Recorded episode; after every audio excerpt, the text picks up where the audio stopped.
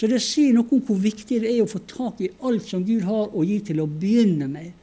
Eh, og så er det nådegave i tillegg, som vi har vært inne på mange ganger. Men det var da det første punktet mitt sist. Gud hadde mer å gi. Og ut fra det han ga, så sprang det en veldig vekkelse. Og så sa jeg også, som det andre punktet, at når jeg var lutheraner dette her var jo, Jeg ble jo frelst på, i 73 og kom da ganske kjapt inn i pinsa.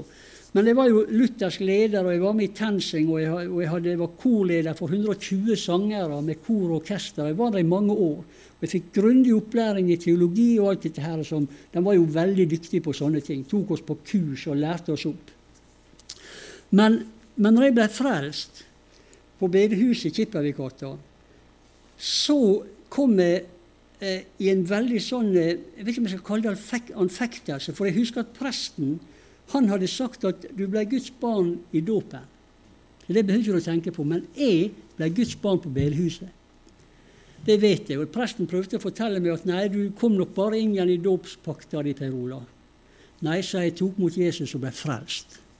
Så vi kom litt i konflikt med, i forhold til det som jeg trodde fra før av, både om dåp i vann, dåp i Den hellige ånd og ild. Så jeg begynte å nylese i Bibelen. Og så fant vi noen stykker. Vi var jo noen som ble frelst og kom inn i Borgundveien ganske kjapt. Men jeg fant da ei bok av en Dennis Bennett, som var en anglikansk prest i, i, i Storbritannia, og som sjøl ble fylt med Den hellige ånd og ild, og skrev ei bok som heter 'Gud har mer å gi'. Og Den boka begynte vi å lese.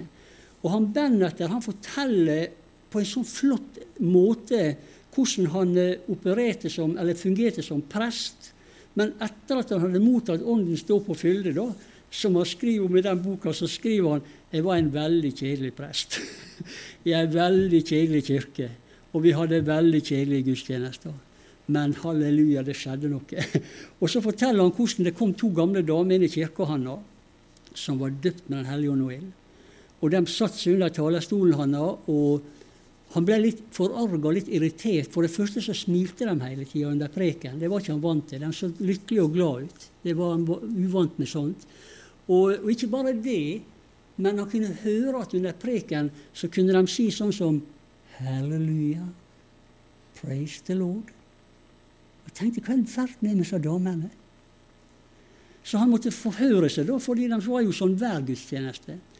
Jo, da kunne de fortelle at de hadde blitt baptized in the Holy Spirit. Halleluja. Praise the Lord. Og, og da skjønte han det sikkert pinsevenner. Heiv dem ut. Men de fortsatte. Til slutt så, så, begynte han å snakke med dem. Hva er det dere har opplevd? Og han fikk jo tak i det at de hadde blitt fylt med Den hellige ånd og ild. De kunne prise Gud i nye tunger. De hadde fått en mye større kjærlighet til Jesus. Alt var forandra. Og eh, dette måtte han ha. Og den ba for han, og det skjedde ingenting. Og den ba for han igjen, og det skjedde ingenting. Og til slutt så ble han så desperat. For han skjønte at disse damene har noe grunnleggende som er mangler. Han skjønte også når han begynte å lese Det nye testamentet, at dette er et nytestamentlig fenomen som ikke har opphørt, men som skal være der så lenge den nytestamentlige menigheten er der. Så dette må jeg ha. Men det var en prosess å komme dit. Og så da er det at han skriver denne boka at han låste seg inn på kottet sitt i, i, i presteboligen klokka seks om morgenen. Og så si, og låste han døra og så sier han, Gud, her sitter jeg til jeg enten blir døpt med Den hellige ånd og ild, eller sulter i hjel. Jeg går ikke ut. Da var han desperat. Og Klokka var seks når han begynte, og han ba til klokka sju. Han ba til klokka åtte. og Ingenting skjedde. Og jeg skal være helt ærlig, jeg tror at da hadde jeg gått og spist frokost, iallfall. Men han fortsatte, og klokka ni om morgenen skriver han i denne boka. da, Og den boka fikk originalt tittelen 'Nine O'Clock in the Morning'. Fantastisk tittel. Men på norsk fikk hun denne veldig provoserende tittelen 'Da Gud har mer å gi'. Det var veldig provoserende for oss som var lutheranere. Men han forteller da hvordan han blir fylt med Den hellige ånd og ild. Plutselig så begynner han å prise Gud i et språk som han ikke hadde kunnet før. Og det som, det som, på en måte ble viktig for oss da, som var lutheranere på den tida, det var at måten han ble døpt med Den hellige ånd og ild på, det var så luthersk som det gikk an. Det var veldig rolig og bedagelig. Det var ikke sånn roping og skriking oppe i lufta og, og helt hysterisk. Men han fortalte at det, for sånt var vi redd. Og han fortalte at det han ble døpt med Den hellige ånd på en sånn måte at han begynte å prise Gud helt rolig i tunge. Han kunne hviske, sier han. Han kunne snakke det, han kunne rope det, han kunne be på engelsk innimellom, han kunne gå tilbake. Han, han var ikke hysterisk. For det visste vi at pinsevennene var. Fullstendig hysterisk. For de klatra opp etter ribbevevet, etter gardinene, opp etter takkronene og svingte seg fra galleriet, så dem var vi livredde. Men heldigvis, da, denne boka tok dette på et helt annet nivå. Og da skjønte vi som var lutheranere også at dette trenger vi, og det er ikke farlig. Og og vi, han loste oss jo gjennom Bibelen. Så for, for, meg og for flere andre som kom inn i pinse og i kjølvannet av dette, da, så var dette en veldig god bok som lærte oss veldig tydelig, men veldig også da luthersk, forstår vi rett når jeg sier det sånn, at Gud har sannelig mer å gi, og vi har mer å motta. Så det ble en øyenåpner for oss. Og så, og så to, sa jeg forrige gang da, som det tredje punktet fra Sajas 55 at eh, nu vel alle dere som tørster Kom til vannet. Kom og drikk. Kom og et. Uten penger, uten betaling. Så, så, alt Gud har å gi, er gratis. Og Gud har mer å gi, han har ikke mer å selge. Han har mer å gi. Det er veldig viktig å få tak i. Så det, noe, det beror ikke egentlig på hva vi kan levere. Vi trenger ikke å ha da penger, men vi, vi, trenger å ha et hjerte som lengter og som ønsker å motta mer og søke mer av det Gud har å gi. Og Jeg tror bare også jeg skal nevne kort at det, når jeg var lutheraner, så var jeg veldig skeptisk til tanken om at Gud skulle ha mer å gi. Fordi vi tenkte at vi hadde fått alt. Hvis jeg var barnedøpt, så var jeg blitt Guds barn. Da var jeg innlemma i menigheten. Da hadde jeg fått Den hellige ånd. Og da, var ikke det mer å gi, for du kan ikke få mer av en person. Så vi, det var ikke mer å gi, det var ikke mer å motta. Var du døpt med eh, barnedøpt, så hadde du fått alt. Sånn, Det trodde vi på, sånn tenkte vi at det var riktig. Men så begynte vi å lese i Bibelen, hvor det bl.a. står 'søk det som er der oppe'. For det kan ikke være noe, Gud skriver jo ikke i Bibelen 'søk det som er der oppe', hvis han ikke har mer å gi. Og Likedan så står det at vi skal søke å bli fylt med Den hellige ånd. Vi skal søke den åndelige gaven. Vi skal søke særlig å tale profetisk. Og det er jo helt meningsløst hvis Gud ikke har mer å gi. Så, så, vi måtte inn i Bibelen, og vi måtte få et nytt lys over ting. Og vi måtte skjønne at det er mer å gi. Og selv om han har velsigna oss med all åndelig velsignelse i himmelen, så må det virkeliggjøres i livet vårt. Ellers blir det bare en teologi og en lære ut av det. Men dette måtte bli et liv så flaut i våre liv. Så vi søkte jo mer etter hvert, og, for noen så opplevde de dåpen av Den hellige ånd og ild veldig fort. Andre tok det lengre tid, sånn som med Dennis Bennett. Det tok litt tid. Men Gud hadde i sannhet mer å gi. Og så vi, skal jeg avslutte denne innledninga med å si at vi ser jo også at selv om vi har mottatt denne her, som jeg gjerne kaller for startpakke, så sier jo også Bibelen at vi skal søke nådegavene. Og jeg tror det er viktigere kanskje enn på mange, mange, mange år at nådegavene er funksjon i menighetene våre. Jeg tror det er kjempeviktig, ikke minst hvis vi er kommet så langt nå som vi tror i Bibelen, at eh, frafallet må først komme. Hvis frafallet kommer, og jeg tror det er kommet langt inn i menighetene våre, så trenger vi nådegavene som kan stoppe og bremse på det. Det skal du få se et eksempel på i Bibelen da, i dag. Så nå går vi litt videre på dette Gud har mer å gi. Og vi skal lese nå fra apostelgjerningene 20 først. Og så skal vi etter hvert komme til åpenbaringa 2. Du har Bibelen. Apostelgjerninga 20, åpenbaringa 2. Så her skal du få et eksempel på hvorfor Bibelen ber oss særlig etter å kunne tale profetisk. Det er ei særdeles viktig gave. Og vi så også forrige gang, og jeg har vært inne på det tidligere, med at alle disse fire døtrene til Philip, som var i tenåra, hadde alle sammen gave til å tale profetisk. Så det viser, at de, det viser at de søkte disse gavene bevisst. Men se på her apostelgjerningene 20, et veldig interessant kapittel i så måte. Og, og, tanken med det som vi kommer inn på her nå, det er hvorfor er det så viktig å søke særlig den gave å tale profetisk. Nå er Paulus tilbake i, eh, i jeg håper å si Efesus, men han er faktisk tilbake i Milet, som er en naboby til Efesus. Ligger kanskje fire-fem mil fra hverandre i luftlinje, kanskje litt mer. Men når han er kommet til Milet, da, på vei tilbake til Jerusalem, så har han en veldig det, altså det ser ut som det var et hjerteforhold mellom Paulus og menigheten i Efesus, der han sto så mange, eller så mange måneder iallfall. Så når han er kommet til Milet, så sender faktisk en løper kanskje til, til, til Efesus og sier at du må hente eldstebrødrene, for jeg må snakke med dem. Så kommer eldsterådet som han hadde et sånt godt forhold til. Og så begynner han å snakke med dem, og så forteller han litt tilbake om den tida da han sto i menigheten der og, og uh, lærte dem med tårer. Og, og, og han, han, var nøye og grundig og lærte dem alt. Og så sier han noe veldig interessant i 28 og 29. Dette her er kapittel 20, Elsa. Apostelgjenger 20, 28 og 29. Så sier han, så ta nå da vare på dere sjøl, på hele denne flokken, som Den hellige ånd har satt dere til tilsynsmenn i, for å vokte Guds menighet, som han vant ved sitt eget blod. Og så sier han noe profetisk. Han taler profetisk til dem. Så sier han, jeg vet at etter min bortgang skal det komme glupende ulver inn iblant dere som ikke skåner flokken. Og så kommer han med en, en annen dimensjon av denne forførelsen. Ja, blant dere selv skal det fremstå menn som fører forvent tale. Her taler Paulus profetisk til eldsterådet i Efesus. Jeg skal tro om ikke det var dette som gjorde at han måtte få den i tale som for siste gang før han dro tilbake til Jerusalem. For, eh, for, han hadde fått vite noe. Og igjen så ser vi hvordan den profetiske gave ikke er en magefølelse, ikke en tanke. Han visste. Og, og jeg nevnte forrige gang også at i, i brevet, et av brevene til Timoteus så sier han Den hellige ånd sier med tydelige ord at i de kommende i de siste dager skal det bli vanskelige tider. Så Den hellige ånd taler helt tydelig. Derfor er den profetiske gave så trygg også. For en profet eller en som har profetisk gave, vil aldri tale uten Den hellige ånd har talt til ham først.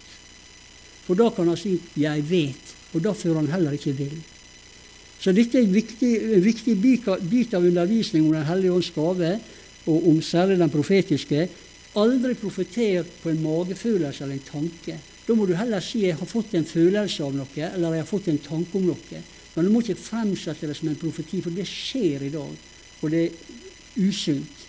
Men her sier han 'jeg vet', og så sier han da dette her underlige 'når er du, Og det tror jeg Paulus hadde en følelse av at det også ikke lå så langt unna, egentlig. Men han visste iallfall at etter det, da, om det, om det var noen år inn, så skulle det skje noe i menigheten i, i, i Efesus. Det ville komme en veldig trussel over menigheten. Det skulle være falske brødre, nei, hva er det han å si, glupende ulver, ulver som skal komme inn utenfra. Ikke bare det, men midt i menigheten skal det også oppstå folk. Og kanskje da er det personer som disse glupende ulvene hadde klart å overtale og overbevise, slik at det sto opp iblant deres egen også. Og da er det forferdelig vanskelig å være lederskap når sånne ting skjer. Så skal vi gå til apostelgjerningene 2. Og nå, nå, leser vi i det som jeg gjerne kaller for det andre efeserbrevet i Bibelen. For det er jo to efeserbrev også, sånn som det til Korint og andre. Men her er to efeserbrev med. Og dette andre brevet da, det er det Jesus som gir Johannes på Patmos. Og nå, nå får Johannes et budskap til denne samme menigheten men nå ser Jesus tilbake på disse åra som Paulus profeterte inn i. Og så sier Jesus da i en hilsen til denne menigheten i 2.2, åpenbaringa 2.2 eh, I vers 1 så adresserer han da menigheten i Efesus, og så sier han Jeg vet om dine gjerninger og ditt arbeid og din tålmodighet, at du ikke kan tåle de onde, og så sier han du har prøvd dem som sier dem er apostler, men du har funnet ut at de eh, som sier de er apostler, men ikke er det, og du har funnet ut at de er løgnere. Her ser vi altså denne profetien som, som Paulus ga dem noen år i forveien, om glupende ulver som skulle komme inn i menigheten. Han sier ikke noe i hvilken form de kommer. Men nå ser vi at de har kommet som apostler. Men de har vært falske apostler. Og pga. Denne, denne profetien så, visst, så skjønte Eldsterådet antagelig i åra som kom, at nå må vi være litt ekstra på vakt, så vi ser hva som dukker opp i og rundt menigheten. Og når disse falske apostlene kom, da, så hadde denne profetien kommet opp igjen. Dette må være det Paulus profeterte om. Og forkynnelsen deres er ikke riktig. De lærer ikke rett om Jesus, de lærer ikke rett til forsoninga. Og nå er det noen iblant oss også som begynner å henge seg på. Så nå er det folk in, in, in, midt i vår egen menighet som forkynner det samme.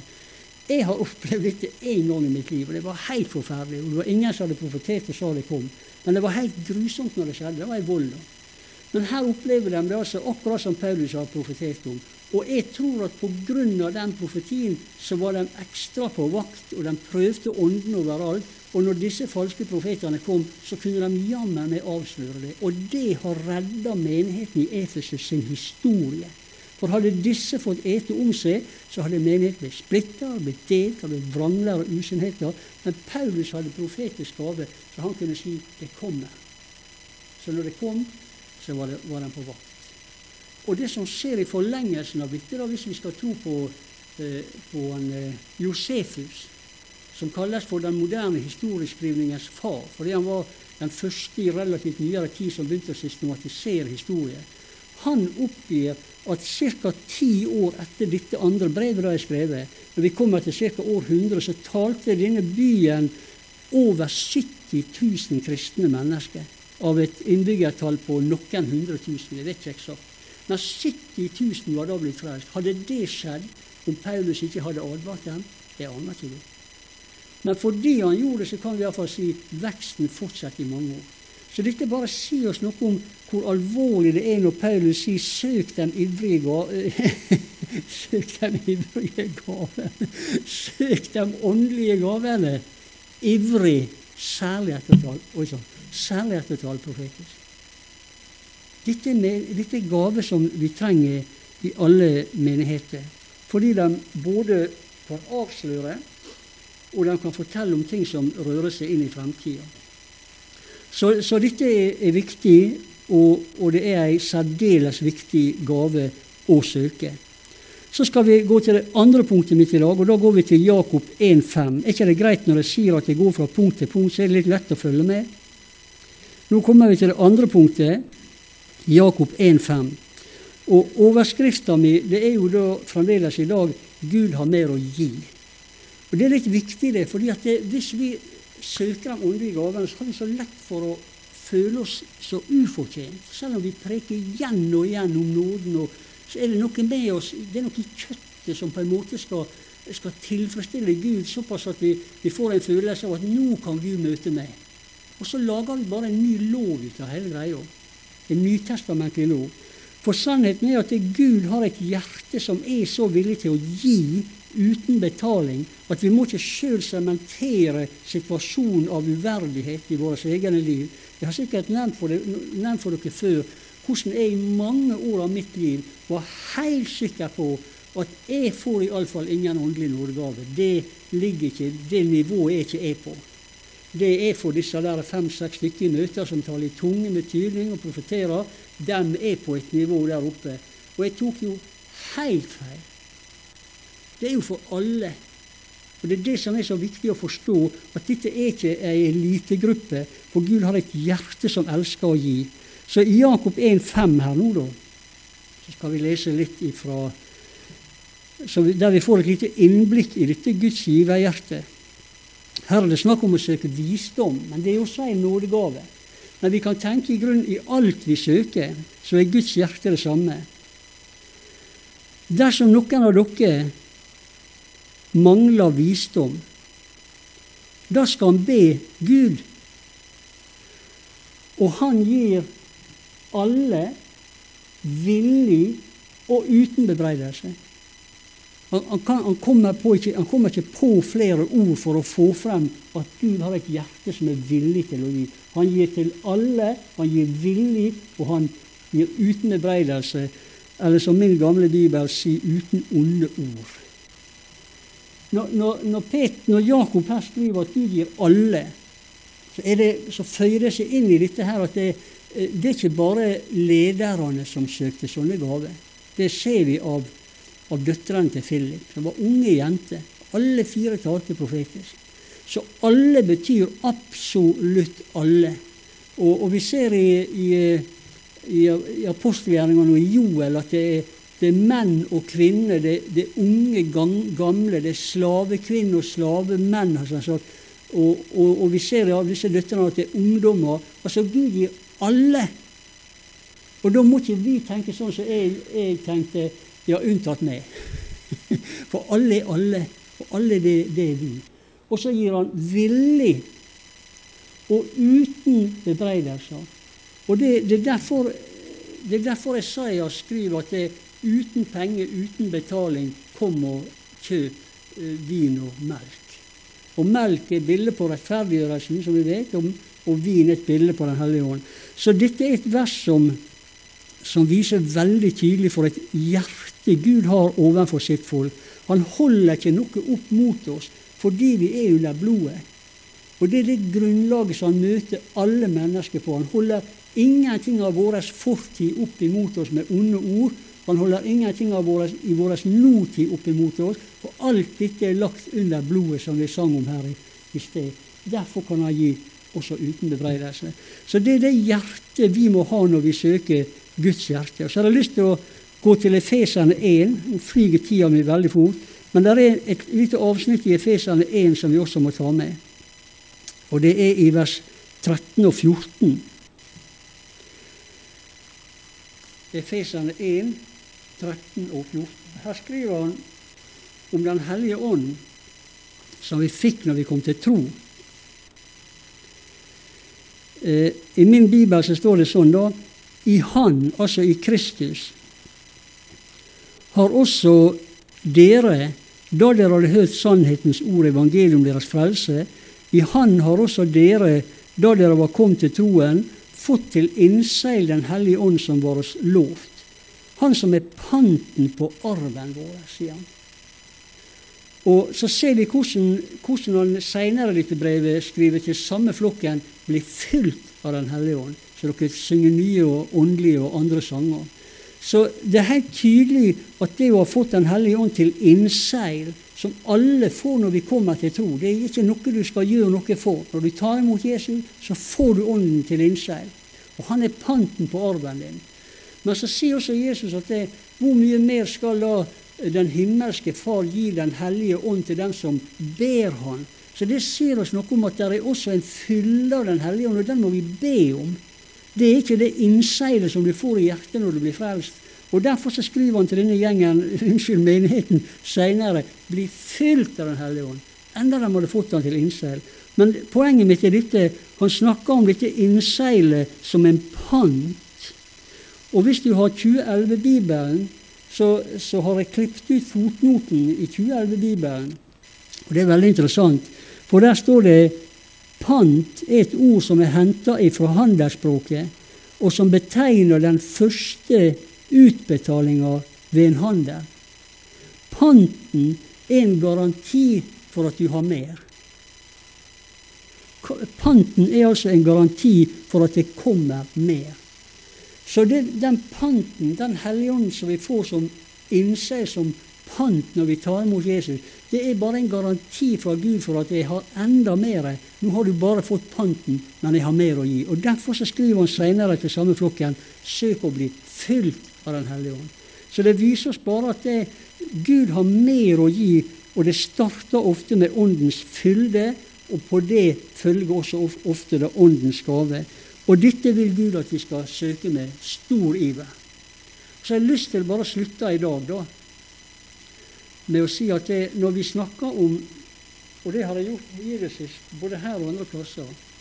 Så har jeg talt om den profetiske gave bevisst, fordi den har en sånn stor plass i Det nye testamentet, og fordi vi tror Gud vil vi skal søke den. Men når vi søker sånne gaver, og særlig det å tale profetisk, så må vi også ha undervisning i hvordan det skal brukes. Den hellige ånd han er både et tema og et liv. Hvis vi har bare livet, men ikke har grunnlaget i, i, teologien, så kan gavene bli brukt på en usunn måte. Jeg husker når vi kom inn i, når Jesusvekkelsen som nyfrelste, så hadde vi sånn, et sånn saying som sa at uh, eh, ordet uten ånden, det er dry up. Ånden uten ordet, det er blow up. Men ånden og ordet, det er grow up. Så du må ha, du må ha undervisninger også om gavene. Og, og, det er veldig viktig å påpeke det, fordi at Jesus er veldig tydelig på å fortelle Både, både Jesus og flere av, av bøkene i Det nye testamentet sier at i de siste dager skal det komme mange falske profeter, det skal komme mange falske lærere. Og da må vi ha undervisning i en sunn bruk også. Og vi har sett nå i kjølvannet av, eh, av valget i USA, så har vi sett hvordan profeter der borte som har stått opp i forkant og profetert at han Trump får to perioder. Han kommer til å bli sitte i, sitte i åtte år. Og nå er det avgjort at han fikk bare én periode. Og da har disse profetene begynt å på en måte sake seg ut og begynt å forklare hva det som egentlig har skjedd. Og en av dem, han var ærlig og sa allerede første dagen etter at det ble klart at han får bare én periode, så sier han rett ut 'jeg tok feil'. Det er voksent. Men det viser jo at han er ikke en profet. For en profet tar jo ikke feil. Gud, Den hellige ånd tar ikke feil. Men profeter kan ta feil hvis de preker magefølelsen eller, eller eh, tankene sine, og ikke hører fra Herren. Og det er så fort gjort. Fordi at eh, de, de, som har sånne gaver, som skriver bøker, de sier at den vanskeligste perioden når du har profetisk gave, det er den tause tida, sier de. Altså Det er den tida da Gud ikke taler, men du har så lyst til å være med. Og så er det mange som har et eksponeringsbehov også, så de klarer ikke å dy seg. Og så bare må de profetere, og så blir det feil. Og da, da ødelegges, ødelegges, det så mye for hele kristenheten, særlig når det skjer på et sånt høyt politisk nivå som i dette tilfellet her. Og en annen der borte også, han var, han var brannmann, tror jeg. Burde kanskje ikke fortalt om han, da. Men, men han kunne fortelle i etterkant at han profeterte ikke feil, men han talte feil. Da er du heller ingen profet. altså. Hvis du forteller noe skal skje, og det ikke skjer, da er du ingen profet. Eller du tar feil. Og Da må du legge det flat. Men sånne folk må ikke ha tillit som profeter i ettertid heller, fordi de har noe i seg som gjør at de skal være hele tida. Og vi har sett i Norge, og jeg bare nevner det òg, i 2005, dere som husker det, da var det sommer-OL i, i, Aten. og Da var det forsynet med altså en profet. og Jeg vet ikke om han den gangen var pinsevenn, eller om han hadde en sånn mellomfase hvor han var utafor bevegelsen. Da oppsøkte han sjøl NRK og fortalte at sommer-OL i Aten vil bli prega av et veldig blodbad pga. terrorisme. Og det skjedde ingenting. Og dette går an å fortelle NRK kommer på TV. Og hvor utskjemt ble ikke kristenheten av det i etterkant? eksponeringsbehov heller enn profetisk salvelse. Det er farlig. Og i akkurat det tilfellet så, så hadde de først reist noen stykker til Aten da, i forkant av olympiaden. Hadde fått for seg at olympiaden i Aten det har egentlig et demonisk opphav. Så de hadde vært nede der og bedt mot olympiaden at den skulle bli avlyst. Og når de hadde vært der, da, så hadde de fått bilde, som det heter, av, av blodbad og terrorisme. Og da blir det plutselig til profetier som er så overbevisende for dem at de oppsøker NRK, kommer på TV og forteller det til hele Norge. Jeg har ikke vært så flau i mitt liv som i, i forbindelse med dette. Men det ødela så mye for kristenheten i Norge. Falske profeter med eksponeringsbehov.